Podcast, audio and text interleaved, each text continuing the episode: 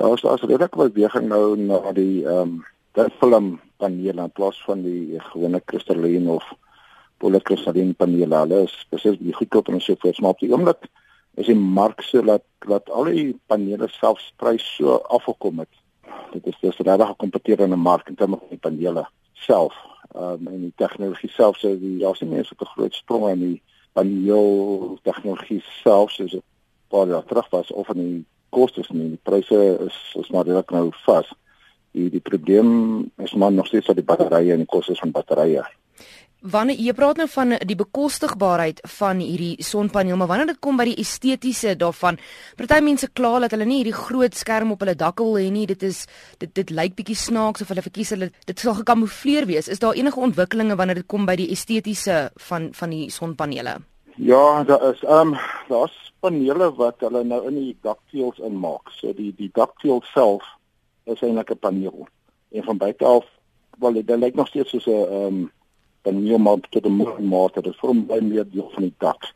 Of dit lyk dit lyk fisies soos 'n teel weet soos wat die dak teel is. Also dis is 'n beweging soonte en dan is daar ook 'n beweging om vensters soos sonvensters sonpanele te maak en dit werk ook nog goed maar die bekostigbaarheid daarvan is nog nie reg geregverdig nie dit is dit is regtig nog 'n probleem die die groot ding met sonpanele jy het oppervlakte nodig uh, die effektiwiteit van 'n sonpaneel is nog steeds laag en jy het nog steeds oppervlakte nodig om die hoeveelheid energie te kry wat jy nodig het.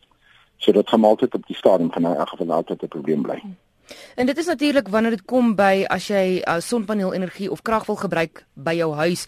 En mens sien meer en meer mense wat hierdie sonpanele uitbring om byvoorbeeld jou selfoon mee te laai of om 'n radio mee te speel. Wanneer dit kom by daai tipe goed, hoe effektief is die sonpaneel dan wel as hy so klein is?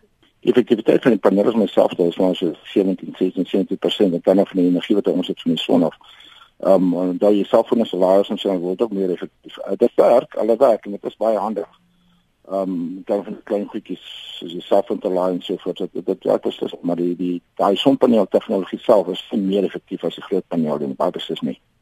In Suid-Afrika is ons op dreef met die res van die wêreld wanneer dit kom by die gebruik van sonpaneelkrag deur die algemene publiek. Ehm um, nog nie heeltemal alhoewel ons benadering hier is bietjie anders as wat dit in die res van die wêreld is.